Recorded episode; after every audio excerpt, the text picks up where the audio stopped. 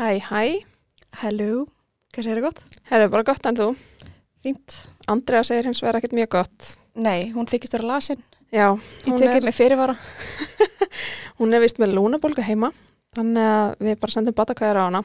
Knús í hús. En við vorum með vægasagt æðislan gest í stúdíun hjá okkur áðan. Hanna Ragnhildi Steinunni. Hún er svo geggjöð. Sko, ég, mér finnst við verðum með marga bólt á lofti. En þessi kona, Nei, ég bara... Og ég skil að ekki hvernig hún allt. Að þessu, sko. hún er með, sko, fjöguböld. Hún starfa sem dagskrárgerðar kona hjá RÚF. Já. Svo voru þau að festa kaupa á húsgagnarveslunni að það duksi í hana. Já, veist, af því að það var ekki nóg mikið að gera. Emmett. Og svo er hún að vinna núna í mjög spennandi þáttum sem við förum aðeins inn á í þettinum. Já, og við mælum að hlusta til þess að vita hva, hvað hún er að brugga núna. Emmett. Hún er alltaf með eitthvað á borðinu, sko. En áður en við förum í þáttin, þá erum við í búið yrjiveslunar. Já, aldeilis. Æðislega barnaveruverslun. Ég Og- pantaði sko, ég var að fá sendingu pantaði úlpu á Benna Herri, já, ég sá það, hún er mjög falleg. þetta, var, þetta er bara einn flottasta útifattalína sem ég séð Já. En fant ennáttúrulega æðislega alvörur. og þú veist, það er geggi vassaldni í þessu mér finnst svo oft ekki nógu góð vassaldni í útifötum Nei, má það líka spáði sko, úlpunar verða að vera hlýjar og sama tíma þóla rigningu og snjó og því að um leið snjórin breytist slittu, þetta verður að þóla smá, það sko. er bara típist Ísland. Þannig að ég mæli með að kíkja inn og afsláttakóðan okkar undir manna með D hann gildi núna út september. Þannig að það eru örfáir dagar eftir. Já, og ég sá líka þau voru að fá sendingu af kuldaskonum uh, frá Kavat, Kavat, já, í stærðum 30-35, og geggjað. Þannig að fyrir eldri gormana. en svo er það netto. Netto, netto. Ég elska netto Ég líka, appið. appið, þetta samkaupa app, þetta er svo geggjað og ég get ekki hægt að tala um þessa innegg sem maður fær. Já, þetta, ég, er svona svipað eins og að versla á afslætti. Þetta er svona girl math. Mér, mér finnst ég vera að græða með því að Ég vera finnst að ég vera að versla. gera það ógæslega mikið. Þannig ég er bara ætla að kaupa meira Já, að því ég fær meira tilbaka. en svo finnst mér líka bara vöruúrvalið þarna er ekkit eðla næs. Já, og okkur langar sérstaklega að nefna anglamarkvörunar. Já, Og við höfum mikið talað um það að þetta sé veistu, við höfum aðala talað um barnavörur. En þetta er ekki bara barnavörur. Þetta merki er með allskins vörur. já, Fyrir okkur, fyrir mennin okkar, matvöru. matvörur. Þannig að þetta er ekki bara bleiur og blöyturkur. Við mælum eindrið með að kíkja á þetta og þessar vörur eru svo fallegar. Og það eru lyktarlausar. Þær eru líka bara svansvottar og lífrænar og allur pakkin, sko. Allt sem við þurfum í dag í nútíma samfélagi. Nákvæmlega. En áður en við hendum okkur í þáttinn, þá vildum við minna á gjafaleikin á Instagram. En við ætlum að draga út í næsta þætti. Já, þannig að það er ennþá smá tími til að taka þátt. Og Sigurinn verður bara tilkynntur í hlaðvarpinu. Þannig að... Þið verðið að hlusta. Já.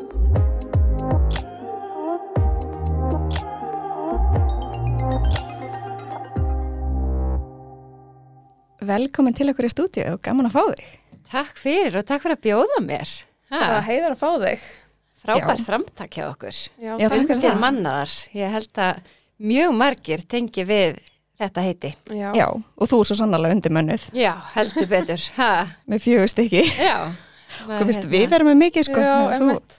Já, svo er einhvern veginn aldrei hægt að meða sig við aðra. Þú veist, maður getur einhvern veginn alltaf, þú veist, hort eitthvað annað og bara, guð, þetta er miklu erfiðara. En, þú veist, þetta er alltaf erfitt. Einhvern veginn, bara sama hvort það séu, þrýr eða fjórir eða fimm eða sex eða hvað, sko. Já, nákvæmlega. En getur þið sagt okkur hans frá fjölskyldinni? Já, við erum sem sagt sex manna fjölskylda. Uh, ég og maður minn eigum fjöguböld. Elsta batna okkar núna er 13 ára. Það er hún Eldey. Svo eigum við Jökul sem að er nýjárun 10 ára. Og svo eigum við einakja tvíbura sem að eru fjár ára. Þeir heita Stormur og Tindur. Ok, ok, vá. Þannig að þú ert alveg með svona, svona smá personapíu í elstu kannski. Já, hún er rosa dugleg og hérna sonur okkar líka sem er 10 ára. Já. maður finnur um þetta rosa mun bara eftir að þau eru orðin þetta gömul hvað allir einhvern veginn hjálpa til að heimilinu Já, ég get vel trúa því. Já, við, við hugsaum ekki fyrir þessu. Nei, Nei, mennum þetta næst. Já, Já. ég tek þetta í fjórða. Þá tek ég hérna, ég býði tíu ár. það er alltaf munar um bara eins og þið, þú veist, viti bara þegar fólk kemur heimsvæð svona, munar um hverja einustu hönd sem maður Já. leggur bara Já, hönd og pló sko. góður. Alveg 100% Þannig sko. að hérna, það hjálpar allt En getur við byrja kannski á viðbröðunum að komast að því að þið eigi von á tveimur börnum í einu? Fyrir mér var þetta algjört sjokk ég bara, hérna, og mjög blendnar tilfinningar. Já, þú veist, ég bara það aldrei kvarlað að mér, ég hafði bara aldrei hugsað út í tvíbura, ég hafði ekkert umgengist tvíbura eða neitt þannig, ég er alveg upp sem engabatt. Já, ok. Já, það er til fyrir hérna 16 árum þegar ég eignast hérna systur, hálfsystur og hérna, já, þannig ég bara, þetta var bara komið svo þrjum úr hæskuru lofti, sko. Og Já. bara hérna, og svona stutt útgáðan er raunin þannig að hérna, við giftum okkur í Verona á Ítalju og bara nokkru dögum eftir brúköpi var ég alveg sem ég var ólétt. Og maður minn hló bara og ég held að ég væri okkur svona bleiku skíi og hérna, og svo kom við heim og ég held bara áfram, ég bara, nei, ég er ólétt, ég er bara alveg viss. Og hérna, og ég var samt ekkert komin fram yfir í tíðarhingnum með hann þannig. Síðan prófið ég að pissa á próf og það kemur bara strax í ákveð lína. Og við fyrir mig sónar, svona snemma sónar. Og þá sást ekki neitt, það var bara hann held ég að vera með auðalagsfóstur Ok. Ok, vá. og hérna og ég sendi ykkur að blóðpröfur næstu tvo daga og hérna og það kemur í ljós að þetta hormón, e, þungunahormónið er að tvöfalda sig. Þannig að hann segir bara já, þú ert greinlega með utalagsfóstur og við þurfum þá bara að e, finna tíma fyrir aðgerð vegna þess að það er bara, getur verið mjög hættulegt að vera með utalagsfóstur þannig að það er bara komið í það ferli þegar ég fer aftur í skoðun fyrir þessa aðgerð. Og þá kemur í ljós eitt lítið fóstur, hérsláttur sem að var svona, já, svona hjarta var svona mjög ógreinalegt. Þannig að hérna, ég var byggðin um að koma aftur bara eftir fjóra daga eða eitthvað. Og við ákveðum bara að fórum til London með vinum okkar og mér var svo óglatt allan tíman, ég var alveg bara, ég gæti ekki borða neitt og bara Oh ældi og ældi og þetta var alveg hérna, mjög fyndin ferð. Svo komum við tilbaka og við fyrir mig sonar og þá var þessi litli hjarslöttur orðin af tveimur. Þannig að þetta fór úr Ó. því að vera bara leiði aðgerð í tvíbara. Vá. Þannig að þetta var svona algjörð bara tilfinningar úr sípannu. Og ég kom bara í bíl og ég sagði manni minn, ég bara, ennum það eru fleiri.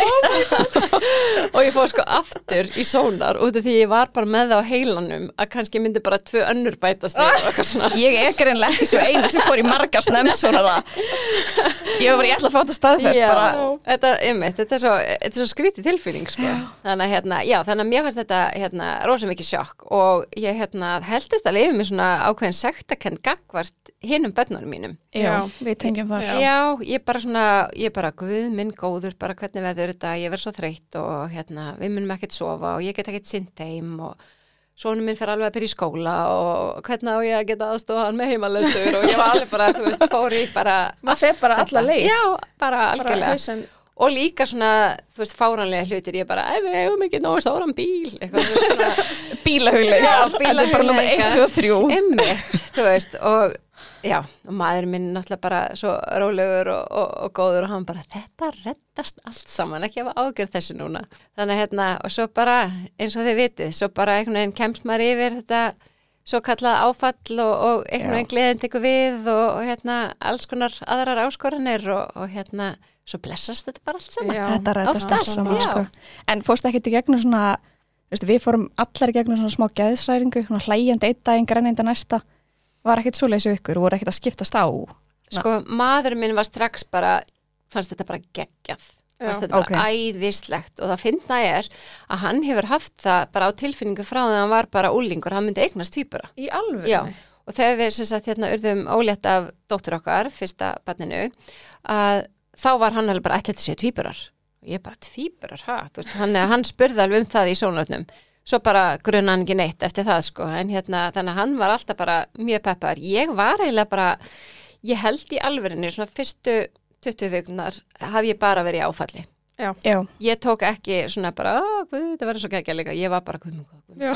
Ég var líka nýbúin að taka við nýju starfi í vinnunni og hérna, og ég var með líka með eitthvað svona mórali við því, bara góður, ég er nýbúin að taka við nýju starfi, ég er óletta tvíburum og bara, þannig að hérna, já, þetta, mér fannst þetta, mér fannst þetta bara rosa, mér fannst líka svo óþægilegt að, ég veit ekki, bara hafa ekki planað þetta, eða Já. þú veist já, einhvern maður missir stjórn. Já, svona skrítið að segja það en þú veist ég bara svona ok, við ætlum bara að eignast eitt bann Já. bara, þannig að hérna, mér varst einhver, eins og einhver annar hefði svona bara svona gripið inn í og bara hræst upp í lífi mínu Já. þannig að mér það bara Við tengjum mjög mikið við það. Maður missir einhvern veginn bara stjórn á því sem maður ætlaði að gera. Já, já, Og þú ræður ekki fyrir henni. Þú fær bara tvö bönni hendunar Já. og það er bara, þú skal gera svolítið að tækla þetta. algjörlega, algjörlega En var ógleð á meðgöngunni eða? Já, mér var rosalega óglatt og kannski eitthvað sem er óléttir sem er að hlusta og það er bara að vona að þetta sé að fara að ganga yfir en mér var eiginlega alveg óglætt bara fyrstu 26 vekunar Vá. Já. þetta er langa tími. Já, uh, ég var ekkert eitthvað mikið ælandi eða eitthvað þannig en þú veist bara, ég bara, mér langaði ekkert rosalega mikið í alls konar mat Mhm. og svo eiginlega þegar ég kom yfir 26 vikunar þá fannst mér bara rosalega erfitt að borða bara stórar máltíðir Já. það var bara ekkert pláss inn í mér ég bara, og bara undir að síðasta það var ég bara, eftir eina pítsusneið var ég bara eins og ég hefði borðað heila pítsu sko. ég bara, það var einhvern veginn bara eins og mægin að mér væri bara í algjöru kremju sko. Já, sem hann var potið. Já, nákvæmlega. Allt kom ég undir ripin bara. Já, algjörlega. Og ég man nefnilega eftir því að hérna, þegar ég var búin að eiga og þá pöntum við pítsu, bara eins og styrpa spítala. Og ég man bara þegar ég borðaði fyrstu sneiðina og var bara, oh my god, bara, þú veist, ég gæti bara borðað heila pítsu, eða mér fannst það mikið Já. plásað í maganum að mér. Ég var bara gæðveitt svöng og hérna, mér fannst þetta alveg svona mögnuð tilfinning. Bara ekki stúta þessari pítsu fundið það var fyrir því. En þannig að meðgangan gekk samt að öðru leiti vel. Ég var rosalega hrausta meðgöngunni, Mhm. ég get alls ekki kvartað, bara mér leið bara mjög vel, en það er ótrúlega þungt að ganga með tvíbura og það sem að, þú veist, hérna, og þó ég segi, þú veist, ég var hrausta meðgöngun, mér fannst þetta rosalega erfitt Mhm. og mér fannst líka oft erfitt út af því að ég leit mjög vel út verandi að sest, ganga með Já. þannig að fólk var oft svona að þú fært svo létt með þetta, þú ert í svo góðu formi en þú veist, maður var samt bara ógeðslega þreyttur bara, þú veist, mér leið bara eins og ég væri bara, þú veist, að springa einhvern veginn inn í mér að ég gæti bara ekki beitt mig eða fært mig eða, þú veist, það eru alls konar svona uh, skrýtna tilfinningar þó að það kannski sjáist ekki á Einmitt. manni Já. Einmitt. þannig að hérna, mér fannst það oft svona mér fannst oft erfitt hvað fólk kannski svona gekk út frá því að ég væri bara fætt í þetta. Já, E- ganga með þessi bett þú hefur ekkert fyrir þessu og svo ertu bara hann þving með og leið og ert búin að eiga og hvað, ég er bara svona já já en þetta er samt ógeðslega erfitt þú veist, og Mhm. maður er eins og þið viti þú veist, það er bara að maður sefur illa og þú veist, erfitt að finna stellingu og þú veist bara, svo er maður með brjósviða og þú veist Oh bara my god, þú já. veist, þetta er- bara, þú veist, alls konar. Já, líka. einmitt, Það var helviti, sko. Ég gæst stundum ekki sofa fyrir. Nei, algjörlega, þannig að þú veist, það er bara alls konar fylgikvillar og þessi síþreita þarna fyrstu þrjá mánuðin, ég var bara stundum að fundum bara dotta, sko, ég bara, svo er ekki að hlaupa að því að leggja sig með bönn heima. Nei, algjörlega. Bara halda allir batterínu gangandi og Betur. Einmitt, þannig að hérna, einlega eini tími var að leggja sig í vinnunni, sko. Settu bípið þetta. Þannig að, já, já, mér fannst þetta erfitt en þú veist, þetta gekk samt bara mjög vel. Það er gott. Það er mjög gott að heyra. En fenguðu að vita kyni á meðgöngunni. já fengum að vita kynni, svo náttúrulega er þetta með þess að tvíbara meðgöngur, maður er náttúrulega eins og ég var með einægja tvíbara og þá er maður í sónar annan aðra hverja viku Já.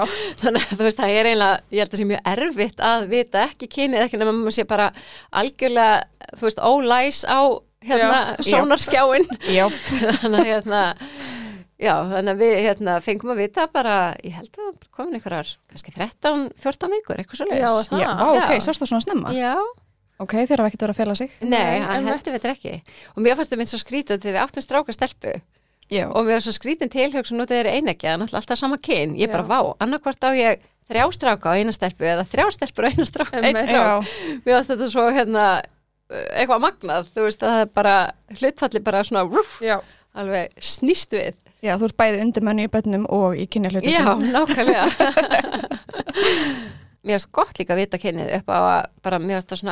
undirbúa mig aðeins Já. betur Já. og bara svona sjá þetta fyrir mér og hérna hugsa á nöfn og, og já, bara svona Tenging við börnin. Tenging, ég sammála að tengingin kemur eða þegar maður veit kynið. Já. Það var svona, á, ok, þetta eru tveir strákar Já. eða tveir stelpur eða hvað sem er. algjörlega, einmitt Mér fannst alveg tilfinningin breytast smá þegar ég fekk að vita kynin. já, ég er alveg sammála, mér finnst það hérna mér finnst það mjög gott og ég, ég var oft hugsað sko, ég er reyndar dáist af fólki sem getur farið í gegnum meðgang á þess að vita kynið og því að þú veist, ef maður hefði eitthvað tilfinningu og það væri síðan ekki Já. Rétt, ég bara, þú veist, hvort það sé ekki skrítið Já. en hérna, já, þannig að ég bara svo er ég líka svo forvitin að Já, ég líka. ég var alveg að hugsa svona, ok, ef ég fyrir eitt yfirbútt þá veit ég, ætla, ætla ég ekki að vita kynið. Nei. En ég veit Það einst aldrei inni að að það er- mun aldrei gerast, sko. einmitt En hvernig var fæðingin? fæðingi gekk alveg ótrúlega vel, bara hérna ég er unni hérna út af því að það leit allt bara mjög vel út á meðgöngunni að hérna þegar maður gengur með einagja þá máttu ekki ganga lengur en 37 vekur og ég var komin þarna rúmar 36 og það var svona að byrja að tala um gangsetningu svo var ógst mikið að gera á spítalunum mér finnst allir daga. tala um þetta. Einmitt. þannig að það var bara svona þetta gengur allt rosa vel hjá þér þannig að við erum ekkert að flýta okkur og þú veist eins mikið og maður vill náttúrulega bara reyna að ganga sem lengst með börni þá maður samt líka orðin bara Taktu þau út. Já, þetta er komið gott en svona ég er bara rosa þólum á. En hérna svo er ég að fara bara í svona reglufunda skoðun komin já, ég man ekki hvort það var 36 og 5 daga eða eitthvað svo leis og var náttúrulega búin að vera með eitthvað svona verki af og til og eitthvað. Að þá hérna var ég komið með bara sex í útvikun Ok, Já, Já. meinar. Já, og hérna þannig að mér var bara sagt, þú ert ekkert að leiðinni heim, þú fer bara hérna upp á efri hæðina og það besta við þetta, við sem sagt, vorum alveg bara búin að ákveða hjónin, vorum bara að fara í þessa skoðun, þetta klukkan, þú veist, halv 11 morgunin og ætlum svo að fara bara í eitthvað geggjan lönns. Ó, Þannig að við, ég hef búin að gera mjög fína, bara, bara fara bara á date með manninu mínum Þannig að ég fór einhvern veginn inn í fæðinguna bara með blásið hár og maskara og bara eitthvað dú-dí-dí-dú. Draumur allra hvenna. einmitt á leiðin á date en hérna, já, þannig að þegar við komst að þessu að ég ætti bara að fara upp þá var náttúrulega fyrst sem ég gerði var að senda manni minn heim og klára að setja upp hilluna sem átti að vera komin upp oh fyrir ofan vögguna þannig að meðan ég fyrir upp þá bara, þú veist, hann náttúrulega hérna hókina reynslu, hann vissi að þýtti ekkert að andmæla þessu, Eh, kona sem gengur við týpar og segir að fara heim að setja upp hillu þú bara gerir það. Rökhugsunin er mjög skýr. Þannig að hérna, hann sett upp hilluna og, og sendi mig mynd bara komin upp eskan, ég bara, hún er alltaf ofalega þú hægna nýra og hérna og hann græði þetta náttúrulega núleitni og, og hérna sótti dótið og, og hérna kom upp á spítala og síðan átti sagt, það var eitthvað svona nemi eða, eða, eða eitthvað svona þýsk stúlka sem var í ykkur svona starfsnámi eða eitthvað, átti að sprengja bælgin hjá mér. Og hún held hún hefði gert það og ég var eitthvað ertu alveg viss, ég held ekki. Og hún bara, jú, pottet og svo náttúrulega bara byði við ykkur fimm tíma og gerist ekki neitt þangur til að það var hérna, voru vaktaskipti og þá kom önnu ljósmóður og það var ekki búið sprengja Oh greið en hérna, Greið þú Greið þú. já, já, eða það, hérna, svo fór þetta bara, hérna, allt saman á stað og, og hérna, já, og gekk bara, mér fannst þetta magnað, ég, það var ótrúlega skrítið, ég var alla meðgönguna að hugsa, sko, út af því að maður náttúrulega má ekki reyna fæðingunum að neðrabarni sé í höfustöðu, mér langaði svo að fæða, mér, ég bara, mér langaði svo að gera þetta, mér Já. fannst þetta bara eitthvað svona vá, þetta er eitthvað, hvernig er þetta? Að fæða tvö börn, ég bara ég til ég að leggja á mig sásökan og erfiðin bara til þess að vita þetta Já. og, og prófa þetta og, og hérna, þannig að ég var eiginlega stressu allan meðgönguna að neðrabarni myndi snúa sér, þú veist, ég var alltaf bara nei, please, please. Þannig að hérna, já og, og bara neðrabarni sem sagt fættist og, og svo liðið 13 mínútur þangar til að hérna setni drengunum kom Ó, það er ekki neitt. Já, þú vannst mig. já, Ég var 20 mínútur. Já, ok, einmitt já. En hérna, já, þetta bara einhvern veginn, já, mér fannst þetta bara mér fannst þetta bara rosalega stund og bara og allar þessar ljósmaður og, og fæðingalæknir sem voru þarna viðstættir bara því lít fólk Já, bara, bara, mér, mér, mér leiði eins og ég væri svo örug allan tíman og bara það var allt einhvern veginn under control, ég hafði bara einhvern veginn svona engar áhyggjur. Já. En hérna, en það kom sérst í ljós þegar hérna, setni drengurinn okkar fættist sem að eiginlega fættist í sigurköpli sem sett í belgnum sínum að hann hérna var með svona mjög uh, sérstakann belg sem sagt að uh, í rauninni nafla strengurinn hans tvístraðist út um allan belgin og þetta er náttúrulega lífstættulegt vegna þess að ef ég hefði mist vatnið ef að belgurinn hans hefði sprungið þá hefði hann blætt út oh my god. Já, og, hérna, og þetta er eitthvað sem að sést ekki í sónar þannig að ég var líka bara mjög heppin að það er ljósmaður sem að tóka á móti hjá mér í rauninni greina þetta þegar ég er að fæðan og í rauninni passa að sprengja ekki belgin hjá honum fyrir en að hann í rauninni er einlega komin út sko Vá hvað Þannig magna þar hafi þá tekist Já, koma hann í heiminn í, er hann hvað, heitir þetta ekki sigurköp? jú, sigurköpl, já. Já. Já þannig að þú veist að þá er líka bara að hugsa maður bara hvað þetta eru mikil kraftaverk Já. bara, Já, þú veist að, já, að fæða fæða heilbrið börn og hvað maður er ótrúlega þakkláttur fyrir að bara hafa fengið að upplifa þá stund sko. Já, ég líka, ég maður hugsa svona eftir á þú veist, það voru rosalega margir hann inni og allir að kynna sig og það var alveg svona Mhm. svolítið yfirþyrmandi og allt inni bara með 15 manns inni Já.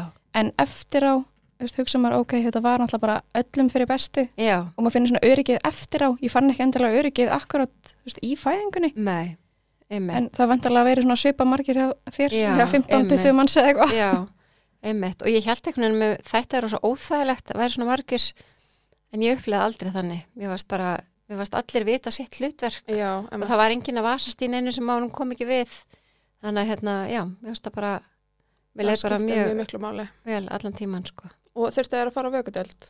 Nei, ég, bara voru ótrúlega hérna brattir og bara allt gekk bara mjög vel og þeir fóru bara beint á brjóst og, og voru bara stórir og flottir og hérna, þannig að bara við sluppum við það. Já, Bara ótrúlegt en satt. Manstu hvað er fæðið stórir?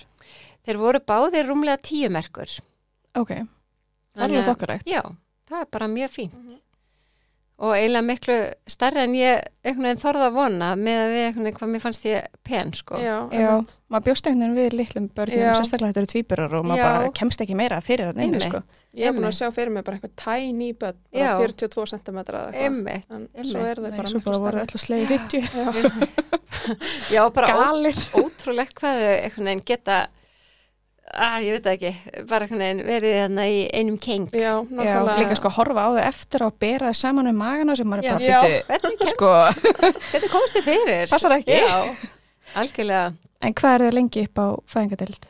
Við vorum alveg í fjóra nætur Ok, upp að fæðingadeild uh, sem var bara, við vorum eiginlega svolítið heppin því að þá voru svo margir farnir þannig að það var pláss fyrir okkur þannig að þau buðu okkur að vera hérna eiginlega degi lengur og hérna sem var bara æðislegt vegna þess að hérna bæði það að það bara náði maður að koma brjóstakjöfinni almennilega í gang og ég var alveg með frábæra konu sem að hjálpa með það, bara koma með brjóst og koma framlistin í gang og svona. Auðvitað líka bara vegna þess að maður er með tvöðinu börn heima. Já, og maður veit þetta um leiðum maður fer heim að þá bara tekur við bara að gefa þeim að borða og hjálpa þeim í bað og allt það þetta er bara já. raunveruleika að fara Já, heim. maður er bara í smá bómalan upp á spítala. þetta var nefnilega bara alveg ótrúlega mikið á tími bara að fá þennan tíma til þess að bara einhvern veginn ná einhvernum takti og, og hérna átt að segja á þessu öllu. Já, og líka maður svo hægur.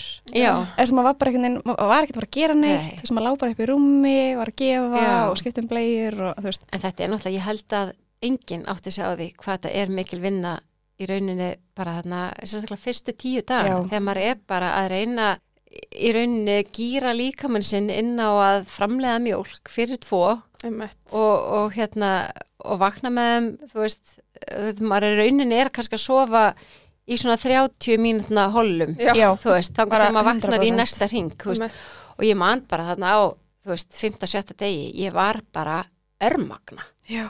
Úf, Ó. já. trúlega erfitt fannst mér Já, Maður er eiginlega búin að blokka þetta út, sko. Já. eiginlega. það var alveg bara svona svakaleg þreita sem að maður fann fyrir sko Já, ég man líka bara eins og á spítala, maður nýbúin að gefa og þú veist, þeir sopnir Mhm. og þá kom einhver að tekka manni sjálfum. já, Það er í læmi þeim að bara, já, ég var að sopna. já, ég veit það, einmitt þetta er alveg bara, já Þetta er algjört hark. En svo svo- lagast þetta allt saman því sem við Já, erum á leiðin í baka, svo eftir lagast fimm þetta ár, allt. tjók. Það var eins að Ég lappa upp á mér en daginn og tók svona í öxlana með bara, þetta batnar eftir svona sex ár. já, Ég var bara, Vá, hugreistandi. en sko við vorum alveg bara, við ákveðum það bara frá upphafi að bara svefnið er að við ætlum að leggja rosalega mikla áherslu á að reyna að gera það rétt. Já, og við náttúrulega byggum að þeir reynslu eiga tvö pett fyrir sem auðvitað hjálpar. Þannig að við í rauninni bara leiðum að koma heim bara uh, þrátt fyrir þeir eru nýfættir þá bara svefnherbyggja var bara staður sem þeir fóru aldrei inn í nema þeir voru að fara í nætusvefn já, og þar vissu þeir bara þar var láma stjónusta og bara aldrei kveikt ljósum nótt eða þú veist, ekkert kúr og, eða neitt hannig, þannig að þeir bara voru alltaf í sinni vöggu og hafa aldrei verið svæðir eða, eða neitt sko. Já, ég held þessi mjög góða punktur að, veist, aðskilja, hafa Já. eitt rúmin Já. í herbyrgi Já, og eins og við vorum allar þrjár með, þú veist, vöggu frammi Einmitt. sem var það fyrir börnum til að sofa á daginn og einmitt og gera strax bara greina mun á degi og nótt fyrir þeim, veist, það er kliður aðeins á daginn og tónlist, þau er að sofa og allt þetta, en svo þegar nóttin kemur þá er bara, þá er bara nýtt svæði sem að þú ferð inn, inn í og þú bara áttar þig á hér er bara mjög lítil þjónusta. já, Þannig og það hefur einhvern veginn bara ég held að það var bara að bjarga okkur, það var alltaf bara strax rosalega mikið rútina í kringu þá og þú veist eins og þegar vorum í nætugjöfum þá var bara láma stjónastættir eitthvað alltaf á sama tíma og svo var bara rópað og svo var bara læðir á ökunni sína og bara sopnuðu og Já. hérna alltaf í punktur. báða? Já, alltaf, já, Já. já, gerum það og hérna, já, þannig að ef að annar byrjaði að rumska þá vöktum við bara hinn og, og hérna, þannig að hann fengi að drekka á sama tíma Já. Þannig að hérna, við reyndum að passa rosalega upp á þetta og líka bara deginn til eins mikið á manni langaði kannski bara að fara út að labba í, í lúrónum eitthvað svona að, passa sig að vera ekki alltaf að rugga þeim í svepp þú veist, þeim að venja þau ekki á að, að sopna alltaf í vagninum þegar ykkur að labba með þau og allt Einmitt. þetta já, kenna þeim að- svæfa sig sjálf Já, það er mjög, mjög mikilvægt, sérstaklega með tvö stykki. Já. nákvæmlega. Ég held að það sé alveg svona einstaklega mikilvægt þá. ymmit, algjörlega.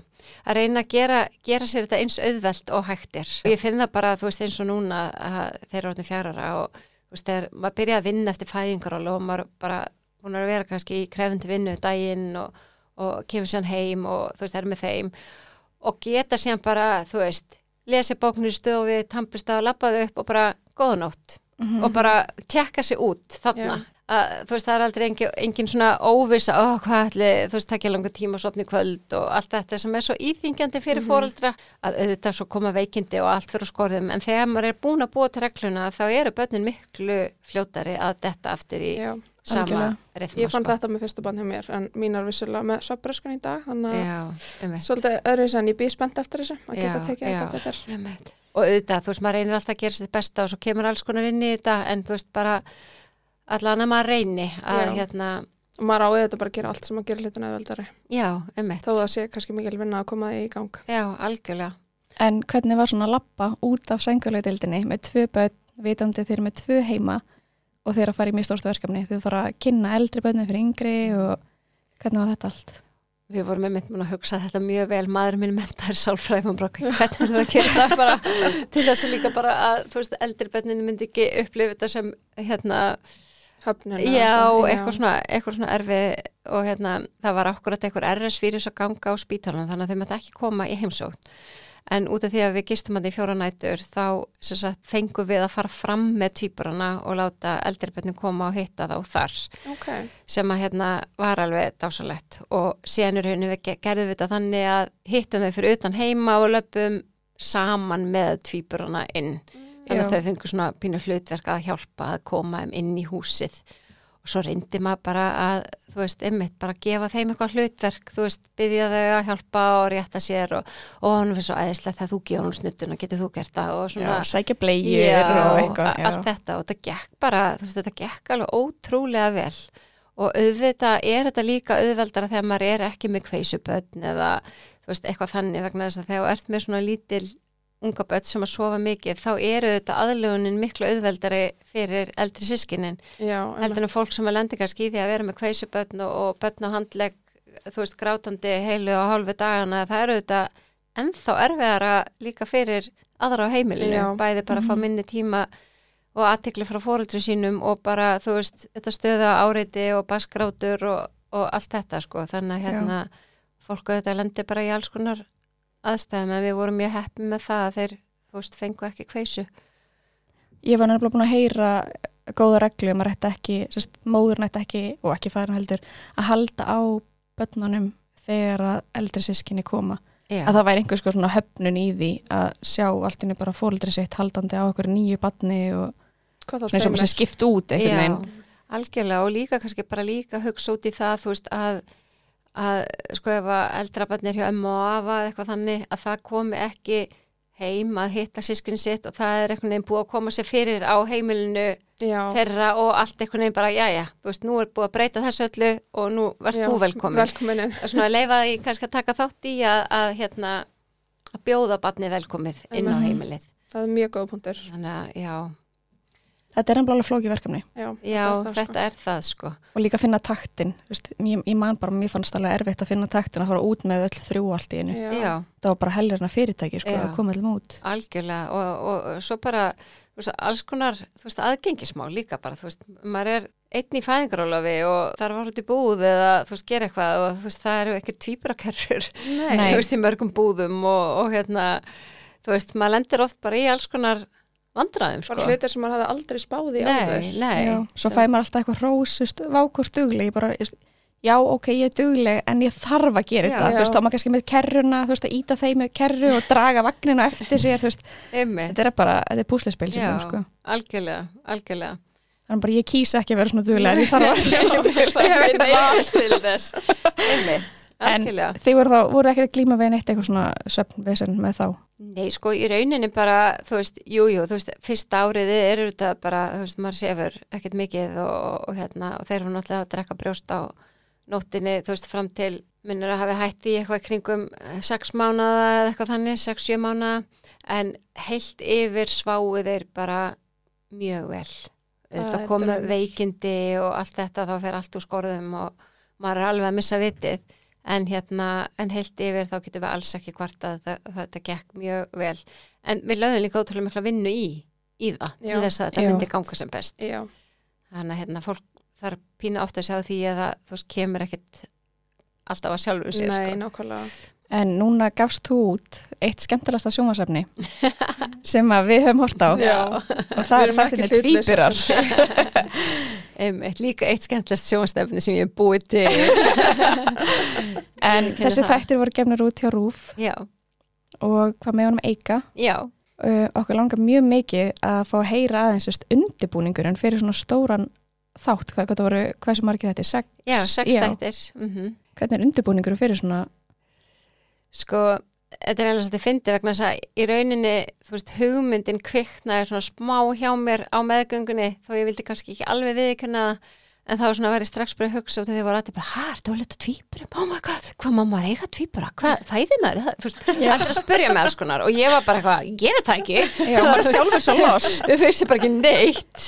Og hérna, þannig að ég, þú veist, ég og maður minn byrjaði með að leita alls konar einhverja heimildefnum tvíbura og fyndum ókslega lítið. Mm þannig að ég var eitthvað svona hmm, ok, já, svo var ég eitthvað svona nei, ég get ekki gert þáttum eitthvað sem er svona nálagt mér og þetta er alltaf persónlegt og eitthvað neginn svona. En svona í undir meðdundinni held ég að það hafi verið svona hmm, byrjað að matla og, og, og svona, svo var ég svona hmm, byrjað að skrifa hjá mig svona stundum einhverja hugmyndir, já, áhugavert þetta og eitthvað svona. Já, svo er náttúrulega er það ekki rauninni fyrir bara eftir ég kem tilbaka úr fæðingarólofi að ég fer að fund með skarpiðinni dagsfórstjóra og, og þetta við hann og að hann sagði bara strax, já, bara þú gerir þess að þetta, já, bara ekki spurning. Já, og þá í rauninni bara, þú veist, hefst undirbúningurinn og, og í rauninni, þú veist, byrjaði ég bara fyrst að skrifa niður, þú veist, og, gl- eh, glugga í þessar glósu sem ég hefði gert, þú veist, áður fyrr, áður en ég vissi allt, bara hvað er það sem fólk veit ekki? Og hvað er það sem ég veit núna og hérna, og svo byrja maður bara að grúska og gramsa og tala við fólk og ringja og já, svo bara er þetta svona bara svona eitthvað svona lítið hakkjel sem að rúlar í eitthvað drisa snjóbalta og þetta er bara að vera tvei, þrý þættir og svo verður þið fjórir og svo, Svo sendi ég aftur post með að vera fimm eða kannski sex og þú veist þannig að hérna og ég einlega sko hérna náði Eirík Inga með mér í verkefnum, þetta var brjála að gera í honum sko þú veist, að það væri bara svona tveir þættir. Og svo lítið að gera hjá þér líka. nákvæmlega, svo bara endandi í bara sex þáttum og bara alveg já, brjálaðri dagskorgerð en hérna, en þú veist, ég nöyt hverra einustu mínútu á þessu verkefni já, og bara, og ég man bara stund þegar ég satt fyrir fram að klippa tölvun og var að vinna úr efninu, ég hugsaði oft bara, ó, ég bara mér langar að geta sem búið, ég bara Já. mér fannst svo gaman að gera þetta, sko En En kom þér ekkert á óvart, þú veist, eins og fyrir okkur að komast að vera með tvíbura og svo veginn að sjá hversu margir eignast tvíbura hverju ári. já, Kom þér ekkert á óvart hvað er mikið af tvíburum? jú, nefnilega bara mjög já, Já, og svo bara finnst mér ég núna að vera að sjá tvíbura allstað. Já, það er bara tvíburar alls staðar. Þekki tvíbura og bara séu tvíburar og þú veist bara, ég minnst það bara ótrúlegt sko.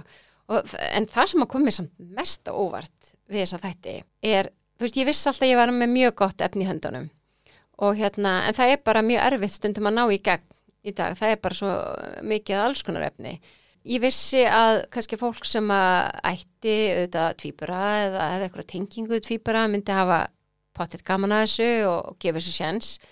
En það sem ég vissi ekki var að fimm og sex ára börn væri að stoppa mig út í búð, út á götu að segja mér að tvíburar var æðislegir og þeir væri búin að horfa að fæðinga þáttum fjóru sinnum og það kemur mest á óvart hvað þættirnir raun náðu niður í ungan aldurshóp og aldurshóp sem að hefur einhvern veginn kannski bara enga tengingu við viðfangsefnið. Einmitt. Það fannst mér bara ótrúlega skemmtilegt og ég var bara mér svo að leikskólanum um daginn sækja týpurinn mína þegar hérna ein stelpa sem er í leikskólanum búin að segja mig mjög ofta að hún sé að horfa á tvíbara og búin að horfa á fæðinga þáttin oft og allt þetta. Svo kemur ein ólétt eh, mamma lappandandi inn þá um eitt segir hún Er þú ólétt að tvíbara? og mér varst það eitthvað svo skemmtilegt að það væri orðið bara svona normið og Einmitt. spurningin bara, er þetta tvíbarar? Já, nákvæmlega. Þannig að mér fannst það ótrúlega skemmtilegt. Minni bara- mitt fjagra ára búin að horfa á fæðingaþáttin held ég þrís og fjóru sinum. Já. Sko. Og ég, mér fannst þetta alveg smá svona, þetta gerði einhverja tengingu fyrir hann. Því hann var, já, þú varst með tvö bönn í þú veist, og fór að ræða miklu meira við mig eitthvað sem hann hafði aldrei spáði áður. Einmitt. Þetta er nefnilega svolítið magna vegna þess að mínir einmitt líka sem voru þá þryggja ára e, fyrsti þáttur, veist, ég hef náttúrulega búin að horfa á þetta þú veist, hundra sinnum en hérna, og svo voru búin að vera með svona bíófremsýningu og maðurinn mér var búin að, þú veist, sjá þetta. En sem sagt, eldri bættum mín voru ekki búin að sjá og fyrsti þáttur var í sjónvarpinu og, og ég hugsa ekki, næ, ekki leifa tinda stormi að horfa byrjun. Og ég var eitthvað svona smá brota þeim í byrjun og ég bara, kannski finnst þeim eitthvað gaman að sjá sig. Og við setjum stöld nýður og, og fara upp. Já. þeir bara, nei, meira, meira. Og sátu bara einhvern veginn stjarfir og ég, ég sé alltaf heik bara, hún er að fara að fæða bara eftir smá sko. Og hérna var alveg, oh my god, get stressuð en þeir bara horfðu á þetta bara stjarfir. Mm og bara, og mér fannst það svo magnað. Og ég bara, þeir eru þryggja ára. Einmitt. en þeir bara, sátu bara er Þannig að, já, Ég náði vídeo á dóttur minni. Ég held Já, að sé að þú setja sendir það mér Ég Eftir fæðingaþáttin, Guð. hún var bara Mamma, það komu tvö börn Hún var svo hissa. Já, Og ég held hún hafa átt að segja þarna bara Ok, svona koma börnin í heiminn. Já, Já. já, Af því hún er alltaf einhvern veginn að Hvernig, sækir börnin og eitthvað, þú veist. Já. Þannig að þetta er varlega, þetta er gott fræslefni þetta er það og líka bara eins og þú veist, eins og bara ég sagði eldri bönni mín því að þú veist, þau voru bara svona vábiti og var þetta ekki, er þetta ekki ósláfond og bara, ó, þetta er hæðilegt og svona. Og ég bara, svona er bara lífið, það, stundir þarf maður bara að leggja á sig, bara erfiði og smá sársöka en uppsker gífurlega gleði sem að endist manni bara allt lífið, þú veist bara að þau læri þetta líka bara. Stundum, stundum er bara, þú veist, erfiður hjalli á undan hamingjunni. Einmitt. Þannig að hérna, það var líka svona pínu fyrir þau svona, já, ummitt, ok. Þannig að já, En hvernig var svona einegja versus tvíegja í þáttunum? Hvernig var það að koma út? Þú sástu mikinn mun á einegja tvíburum og svo tvíegja tvíburum? sko mér fannst þetta, það var mjög misjant, bara í rauninni, þú veist, hvernig tengslamyndunin var og svona. Það sem að maður kannski sá og vissi, svo sem fyrirfram, er að þú veist, náttúrulega einegja eru náttúrulega líffræðilega nánast eins. Þannig að eh, kannski svona geta og hæfileikar og, og hérna áhugasvið er oft mjög svipað hjá einegja tvíburum e, bara út af genamenginu. Og meðan kannski hjá tvíegja getur það bara verið að gera ólíkt vegna þess að þau eru bara eins og kannski sískinni og þú veist annar hefur gífurlegan áhuga á einhverjum tækni lausnum á meðan hinn vil bara vera í íþróttum eða eitthvað. En hérna ég myndi nú samt svona segja að svona mín tilfinning vegna þess að líka tala yfir rosa mikið af tvíburum og svona sem endur kannski ekki í þættinum því að maður er alltaf að reyna að velja kannski svona fjölbreyttan hóp og, og vill ekki hafa á einsleitt en þá myndi ég nú svona kannski segja að svona ég held að tengingin sé oft aðeins sterkar hjá einækja tvíburum heldur en tvíækja þó að, að tengingin þar sé líka mjög sterk Já, það kemur svo sem ekki óvart. Nei, Þú veist, einmitt. vitandi að einegja er í sama belgnum með sumu fylgjuna og allt þetta, sko. Já, og ég held að það komi þar inn bara líka, þú veist, þegar þú ert svona líffræðilega líkur ykkurum að þá eru bara miklu meiri líkur á að þið hugsið svipað og hafið svipað afstöðu til hlutana og, og þessi aðili skilur þig betur heldur en ykkur annar. Þannig að, þú veist, ég held að svona líffræðin kannski bara útskýri það líka. En var eitthvað svona sem þér fannst þú hafa lært af þessum þáttum sem þú vissir ekki áður tengt tvíburum? Já, sko bara eh, það sem ég lærði náttúrulega bara svona á undirbúningsferlinu ég náttúrulega lærði bara rosalega margt í fyrsta lagi út af því ég vissi ekkert þegar ég byrjaði en ég man til dæmis bara þarna á undirbúningsferlinu bara þegar ég er að byrja í tökunum það var til dæmis bara ég hafði ekkert mikið hugsað út í það að það var kannski ekki gott að klæða þá alltaf eins þegar þeir eru þryggja, fjara, fimm og sex ára Einmitt. Þú veist, ég bara, mér varst bara ótrúlega krútlegt að hafa bara alltaf eins og bara pínu litlir og eitthvað. Og ég sá bara fyrir mér að ég myndi bara gera það áfram. Þar til að ég bara settist niður með einum viðmælanda sem að sagði mér bara, herri, þú veist, þú þarf bara að passa þeir eru náttúrulega bara þurfa að vera einstaklingarnir sem þeir eru og með ekki bara alltaf vera eitthvað spegjumynd af hverjum öðrum og það er bara hvað þeirra sjálfsmynda að fólk bara veit ekki hverju hvað og þú veist, það fekk mér svona til að hugsa bara, herri, býtu, hvernig ætla ég að gera þetta þegar þeir eru svona aðeins farnir að komnu með smá vit, Einmitt. sko, Já. það þarf ég aðeins að pæla í þessu þess fannst að þetta mjög áhugavert þegar þetta kom fram í þáttunum. Já, algjörlega og þú veist að maður hugsi sko líka bara svona litli hlutir eins og leikskólanum fyrir þá að þeir séu ávarpaði með nafni þegar vera að kalla þá og, og, og til að hjálpa bara leikskólakennurum skiptir ótrúlega miklu máli fyrir þeirra sjálf. Já. Að sé ekki alltaf, hvað ertu, tindur eða stormur eða þú veist, allt þetta. Þannig að þú veist, og þá eru þessi litir sem að þú veist, margir hafa notað til þess að hjálpa sér og þú veist, og ég hef nýtt það á mína já, ég sé að það er að já. setjast í heimi, sko. tindur, jörðin er einhver grænu og, og, og stormur er oftast í Ó, ég vissi ekki að þetta verið tengingin. Ég hef búin að taka eftir og voru alltaf með annan, þú veist, í grænu henni Já, gulu já. eða, appisnugulu. Já, eða já, ég vissi ekki að vera að tengja við nöfnin. Stormur er svona gula viðvörunin En þetta er mjög góða punktur af því að ég, þú veist, mínir gormar eins og hálsás og ég klæði þá bara nánast alltaf einu, sérst, annar kannski í grænni peysu og einu í blári peysu.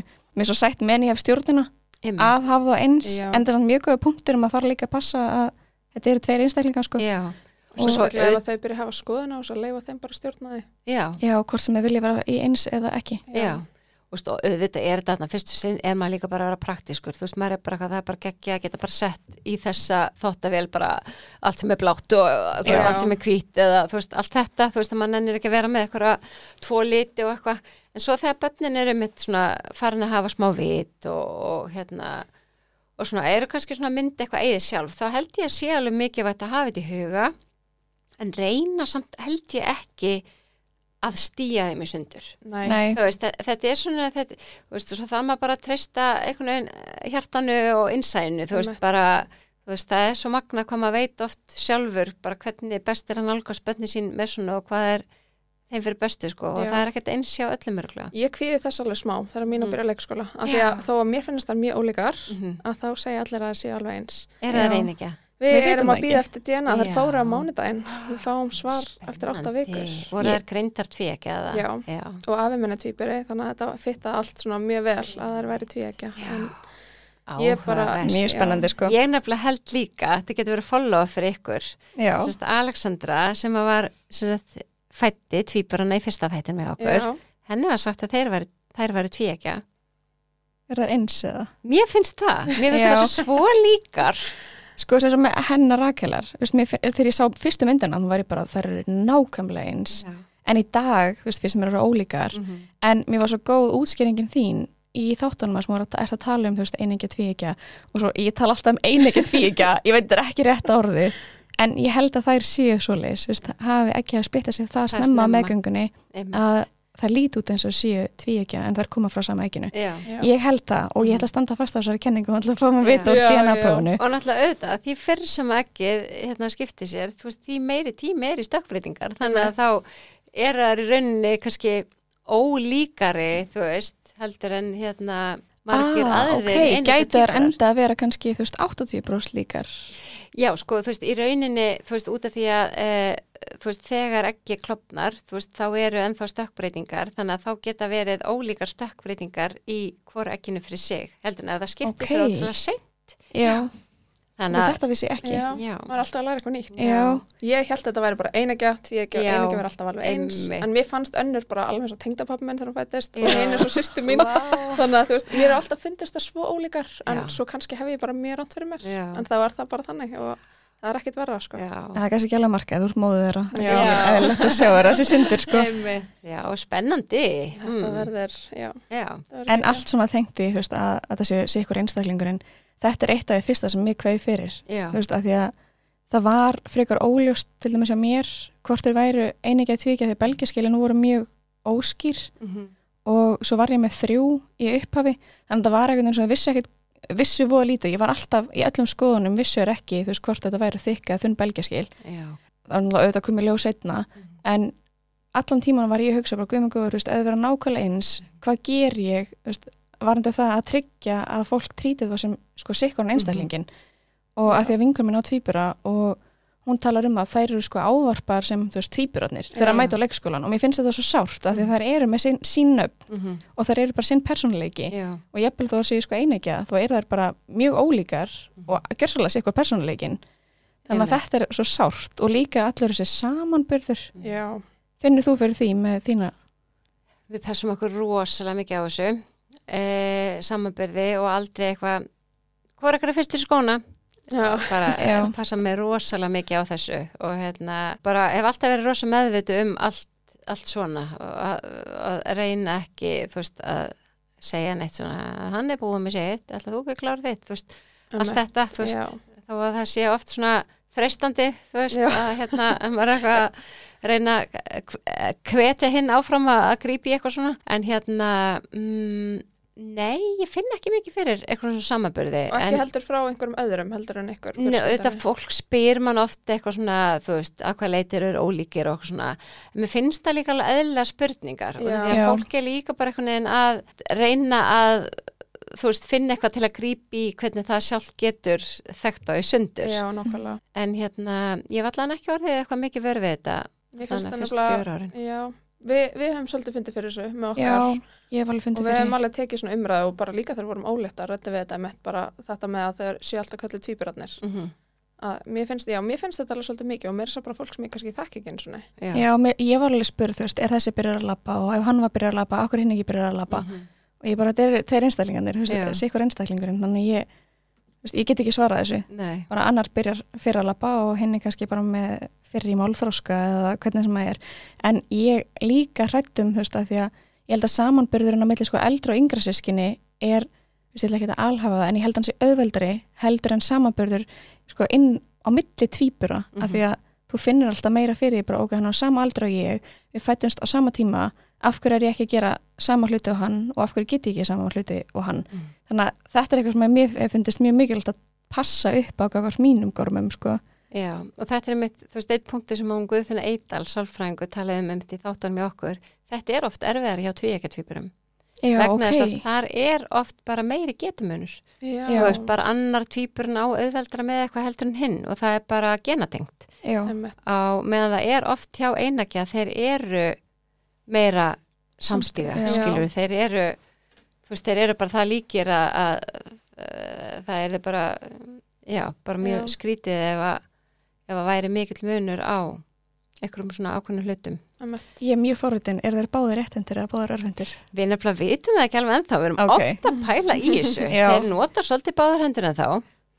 Þú veist, þeir eru að tekna og svona, þeir eru að tekna stundum með hægri og, og um eitt stundum með vinstri. En hérna, ég spurði nú Kára Stefán saði þessu, í, hérna, ég reyndar, eh, það endaði ekki inn í þættinum því við var ímislegt sem endaði hérna. Við byrtum Þú bara gera núna. aðra seríu. einmitt, nákvæmlega, en hérna þá spurði ég hann einmitt, þú veist, með þessa speglun sem að maður oft heyrt, þú veist, af eh, hjá einn ekkert tvíburum að annar skrifa með hægri og hinn með vinstri og annar fái tönnuna Herðu, ég sá svona póstin á tvíburamömmum já, það sem að spegluðist alla tennurnar tennur og svona Já.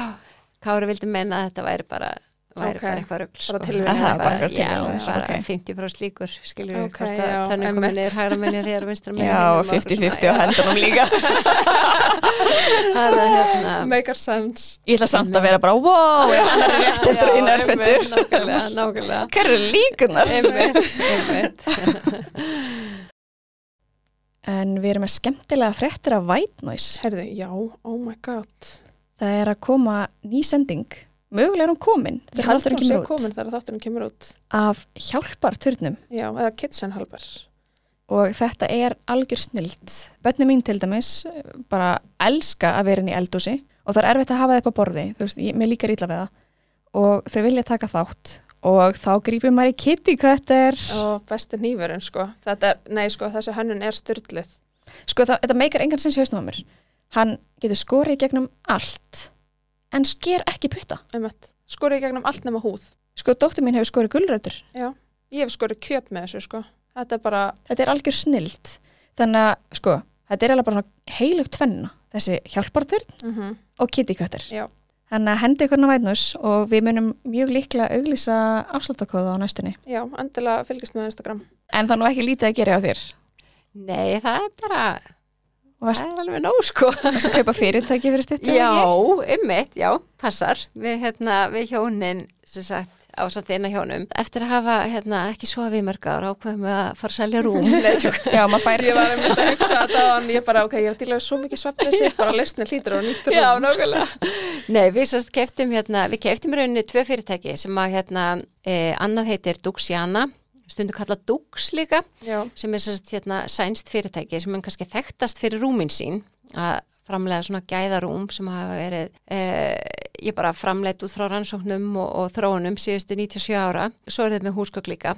Og síðan sem sagt er hitt fyrirtæki eh, heitir Gegnum Glerið og er með ítalskar innréttingar og alls konar svona einhverja smávöru og sængurföt og hitt og þetta. Gekkja. og hérna við erum sérst bara titilega nýtekin við þessu og erum bara núna að vinna mjög skemmtilega vinnu. Munum í nóamber hérna svona kynna, kynna þetta undir nýjum hatti, Ok, nýju nafni já, spennandi. Við bíðum spenntar. samina þetta og hérna og bara gera þetta svolítið okkar, þú veist þetta hefur verið reiki undir þessum svona sikkvoru verslunni þannig að við erum bara svona aðeins að reyna einfalda markasetninguna og Einmitt. hérna og já, setja þetta undir eitt heiti og svo erum við að fara að flytja verslunina og hérna fáum það húsnæði afhend núna fyrsta nóvumber þannig Ég, þannig að þá fer allt í gangi okkur mjög spennandi. þannig að þú ert með cirka svona þúsund bolta á lofti Já, þetta er svona, sko maður minn er, hérna, hann sagði upp sinni vinnu og fór bara 100% í þetta þannig að Ok. hann er með þennan höfverk og svo eru við hinn, hérna, hinn er eigundir svona á kantinum með svona, svona ímisverkefni og náttúrulega svona hjá mér þá er þetta svona eftir áttavinnan, bara Já. svona já, þú ert með svona fyrirmæli lækka á hilluna og já, nákvæmlega bara svona hérna, já, ég er svona kannski meira bara í, í svona einhverju svona framtíðasín og, og markasetningu og, þessu skemmtilega. já, einhverju svona Já. þannig að hérna, en þetta er ótrúlega hérna skemmtilegt og við höfum bara lengi talað um að okkur langa að hérna prófa að gera eitthvað sem að bara við ættum sjálf og eitthvað og hérna og þetta er eiginlega svolítið fyndi vegna þess að þessi vinahjón sem við keftum þetta fyrirtæki með eru semst í tíu ár ángríns búin að tala um rúmið sitt. Og þetta náttúrulega bara vatt all verulega upp á sig þegar við vorum örmagna tvíburahóldra þegar voru bara nú verðið að fá okkur duksrúm þetta er bara geggjurúm, alltaf hérna. Já. og við vorum svona eiginlega fann að gera grína þessu. Og svo hjálpaði ekki að sko sýstir mannsins mín á fjögur svona duksrúm og var einmitt líka bara ég er að segja þetta er verður að fá rúm. Og hérna já, og svo bara einn daginn kemur þessi vinnur okkar og segir bara heiði, nú erum við bara að fara að kaupa þetta fyrirtæki. Bara því bara trúið mér bara, og við bara ha, ég, ég hugsa svo neinin við hefum engan tími það. En, en maðurinn við bara, jú, heyrði, hoppum bara á þetta gerum þetta bara. Ég er bara geðveik að trúa á þessu, þetta er bara geggjurúm og bara geggjafur, þannig að hérna allt í hennu vorum við bara búin að já, Já, bara bara kaupa fyrirtæki og, mér vantar nýtt rúm þannig að ég kannski bara kem til þinn í búðina Þeir komum bara tíminn og fóðu tvípur afslut elskum ástæðina. einmitt. er eitthvað illa að segja að maður leggur sig á þessu Nei, nei, ég var einmitt að segja að væri, þú veist, það væri náttúrulega reyndan bara rosa góð markasetning að vera með tvípur og fóröldur svona liggjandi í rúmunum eins og til að sjá hvað maður sefur vel hann Gætir ekki mikið betur meðmæli.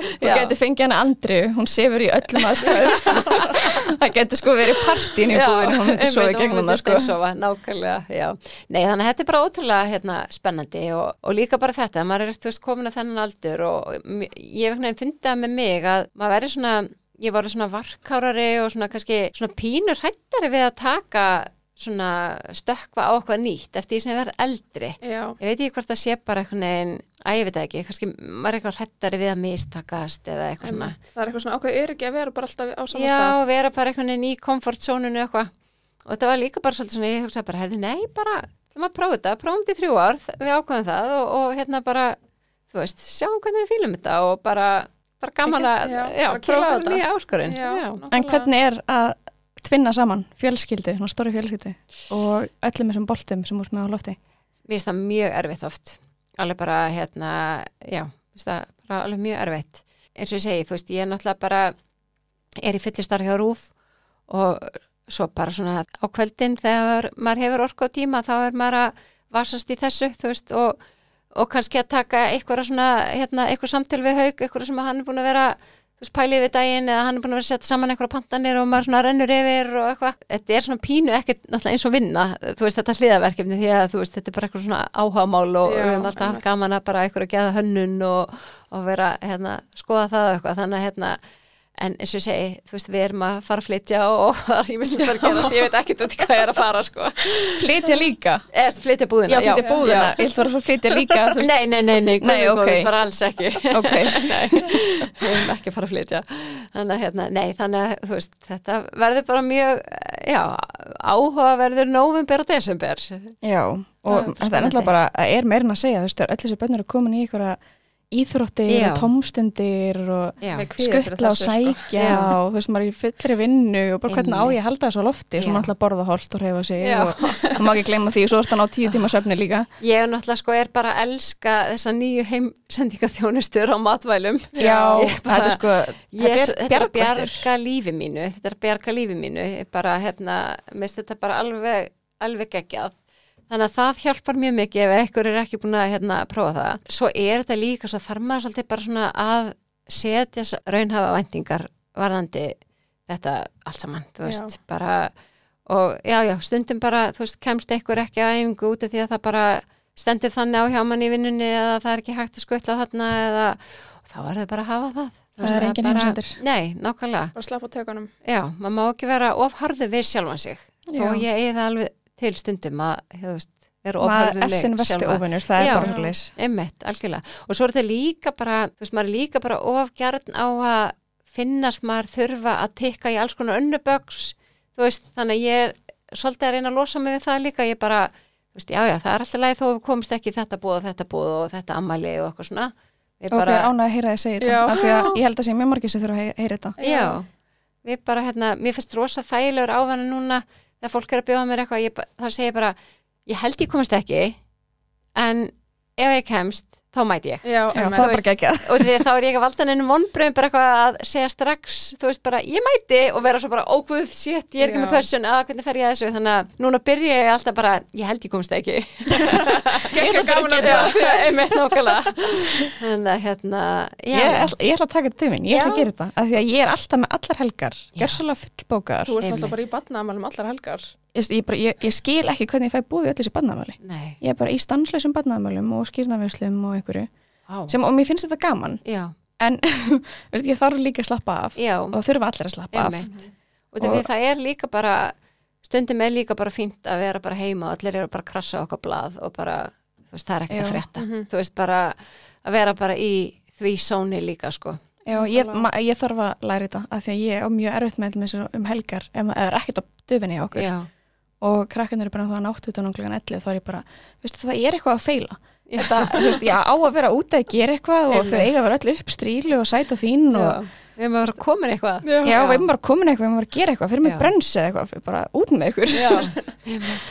Mér finnst rosalega gaman að vera ekki með neinplön um helgar og vera bara svona meira heyri, það er rosa gott við förum bara að labba með eitthvað ring og það er bara, það er ekkert markmið með þessum ringum, við förum bara eitthvað út að labba og svo er eitthvað farnir að tína lauf og, og það bara svona verður eitthvað úr Já. stundinni, mér finnst það alveg bara svona mjög, mjög þægilegt sko og hérna, Við þurfum að fara að prófa þetta. já já, ég er ekki nóg senuð fyrir þetta.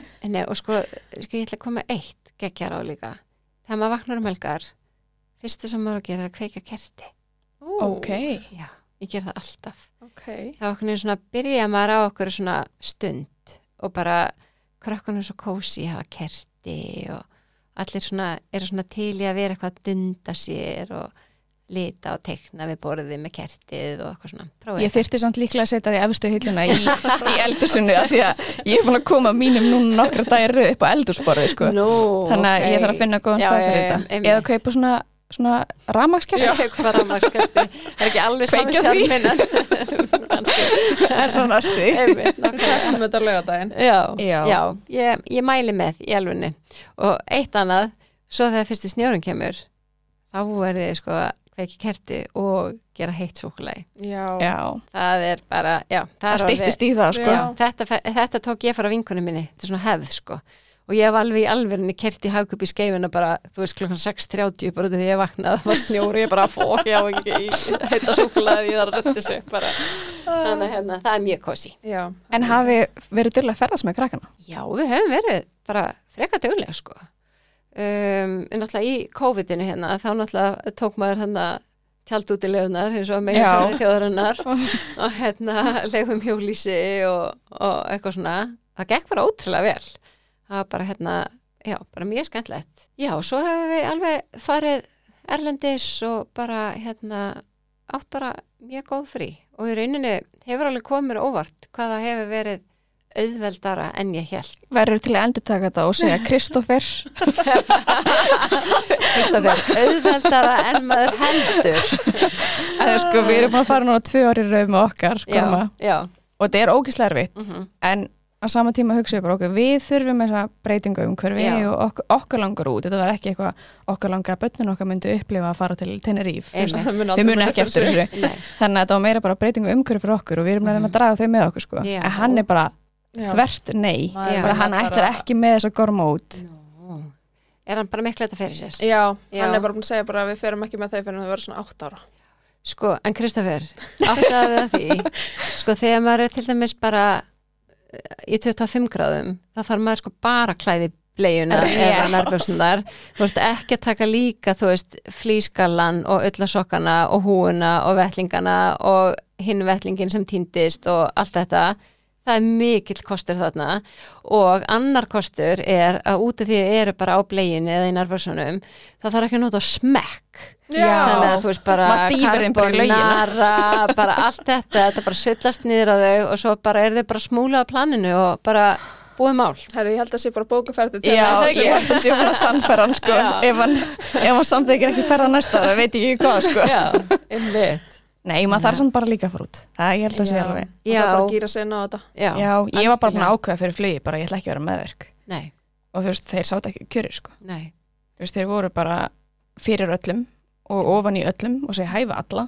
Já. ég þurfti bara að gýra ég bara, ok, mér er alveg sama ég ætla bara að sitja hérna. Sko mér er eiginlega leikillin í flugi e, ef maður er að fara svona fyrsta sinn í flug með lítilbötn og tvibra það er að byrja ekki of snemma að þú veist sína þeim alla fyrir aftan sætin. Já, Já, ekki taka það að leiða maður kemur inn í vélina að leiða maður standi í sætin og kíkja. Það er gott að eiga það inni. Já, þetta er samt að Þetta er sæta það sem ég veit. sko. ég, Ég ég hef veit oft það. verið í vél og svo kemur svo lítill haus og maður fara æ, krúti Einmitt, en það er rosa gott að eiga það inni síðasta. Já, þú veist, að byrja að vera bara bara, við höfum að vera í sætinu skilur og taka hana límiðna og allt þetta. Og svo þegar að- þegar hún mjög óþölum og þá ok, maður standi í sætinu æ, það eru bara allir enn að komast frá A til B. Ég held að algjörlega, einmitt. Nákvæmlega, það er bara hætta, þess- hætta þessari meðvirkni Já. Kristoffer Já. einmitt Kristoffer. skellum okkur til Nei, þetta er svo góð tilbreyting að bara, einmitt, fara eins í nýtt umhverfi og bara, hérna Já. breyta smá til Við hefum mestarlega farið til fóreldra okkar í útilega með ykkur. Já, Með já, Já, einmitt svo En út í leðan alltaf fóra En svo er samt líka annað í sem að þarf samt líka að passa sig að bara ef maður treyst sér ekki eitthvað sorry, nú er ég með Kristoffer í liðinu Vi, Við köttum þetta út. Að, hérna, veist, að leifa sér það bara veist, ég- eins og til þess að fara með tvíburinn sund þú veist, bara, það var marga vinkunum mínu sem bara, já, ef fara með þau sund? og eitthvað. Þú veist, þeir voru bara sex mánuða og eitthvað. Og ég var bara, nefnist að ég bara, ég treysti mig bara ekki í það strax. Ég bara, Mhm. ég fór ekkert í sund með það bara fyrir þeir voru orðnir þú veist, eitthvað, rúmlega eins ás eða eitthvað. Og því ég bara, ég var bara ekki tilbúin í þann pakka með tvö lítil börn Ég fara- mjög fein að heyra þetta því Já. ég var á sama stað sko. Já, þannig að maður það líka bara stundum að fylgja sjálfum sér Já. í svona. Algjörlega, já, ég, ég er ekki ekki sagt þetta, ég fór, ég dró vinkuna mín, mína með mér í ungbændasund Já, með strákana, dugnaður. Ég held þryggja svoleiðis. Akkur þegar maður minn fór tilbaka í vinna þá fekk ég frábæra peri í hausin að ég þurfti að fara í ungbændasund með bönnin og hann bara, ok, þú erum með tvær hendur, hvernig ætlar að halda hann flott? ég segi bara vel gert sko Ég er bara þetta kvartlag eins og að mér sko. Nei. Nei, en ég miklaði fyrir mig núna, Já, þú veist, það er eins og hálsás, ég sé ekki fyrir mér að fara með á í sund, sko, þú veist, Nei. þetta væri bara, Þetta Þetta væri væri eitthvað- þrýr með þeim. já, og þú veist, allir í ólum og eitthvað, þú veist, ég þurfti að hafa bara í bandi, sko. já Þannig að einmitt. ég, ég fer ekki alveg strax. Nei, Það er kannski skánar kannski þryggja fjara þannig að maður fer aftur. Já, algjörlega, þegar þau eru komið vit og, og það er hægt að útskýra fyrir þeim að hérna, þú veist, enginn er hlaup út úr klefunum og allt þetta. Og ég sé bara fyrir mér að þú eru að hlaupa út alls eftir tveimur. Já, já, mín er strauka einu sinni frá dagmæminni, oh Nei. my god tindir í 15 mínútur. já, býtti það komið ekki? Jú, æðislega dagmamma sko, bara uh, svo besta, indisleg, bara hérna, en náttúrulega var bara að setja krakkan í kerru og byrja á þessum, hún stóð með fimm börn, byrja á þessum þrejum, hún stóð hægur með við hana og liftaði með kerruna og svo snýr hún sér við og ætlaði að segja mína, voru bara farnir. oh my god Oh my god, Jep. hvað voru þeir gamlir? Þeir voru rúmleginsás. Nei. Jú. já, já, þeir fundist þarna rétt heima hjá mér. Ég hef þurft áfæða hjálp, Já, sko. eitthvað sem sáða út um gluggan. oh my god, Já. þeirra var aða heim Já, sko það var líka svo fyndið vegna þess að við hjónin, við hérna bara einhvern veginn tókum þessu áfalla mjög ólíkan hátt. Ég var alveg í sjokki sko, ég gæti ekki sopna bara næstu nætur og eftir, bara sá fyrir mér allar einnkistlunar sem hefur lappað Oh fram hjá og allt þetta. Og meðan hann var bara, vákar er þetta heim, ha, geggja þeim, alveg hérna. Gekki að horfa svona á þetta, sko. Þannig að hérna, já. En eru þeir prakkarar eðlisfærið eða? Mm, nei, ekkit, ég veit það ekki. Ég held þess ég frekar góði, sko. Svona með hvað ég er búin að sjá í þessu þáttum. Já, ég nefnilega sko, þá mjög fyndið, amma mín spurði mig eftir að hafa hort á þættina bara, eru prakkarar eitthvað meira, þessi þýpur eru meiri prakkarar en, en bara, þú veist, ég er á þeirri skoðun sko. Já, Já. að því mínir eru hrikalegi, sko. Já, mínar stunga um helgina. Er það? Já, ég ætla ekki að nefna hver var að passa. Nei, tjók, en hérna þú veist, það voru bara tveir einstaklingar heima með mér og voru bara eitthvað reyksu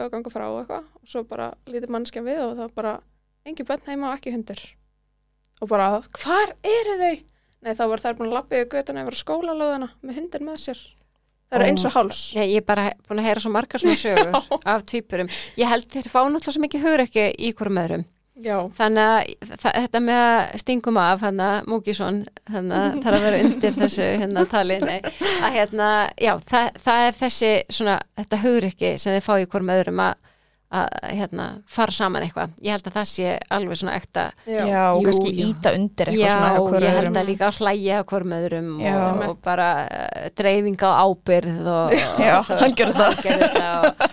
og allt þetta sko, þannig að hérna, þú veist, jú, jú, þetta, ég, þeir eru örugglega, týpur eru örugglega meira prakkar en aðrir. Já, ég sko þegar ég horfa á þættina, ég grenjaði úr Nei, í hlátri. alveg Já. með tala sko, Ég- strákunir sem að fórum nærbuksna sínar á næsta Já. bílaplan. Ég er bara, Svo en ég gegg- hugsaði strax geggjaðir. mínar verða þessa típur Já, einmitt.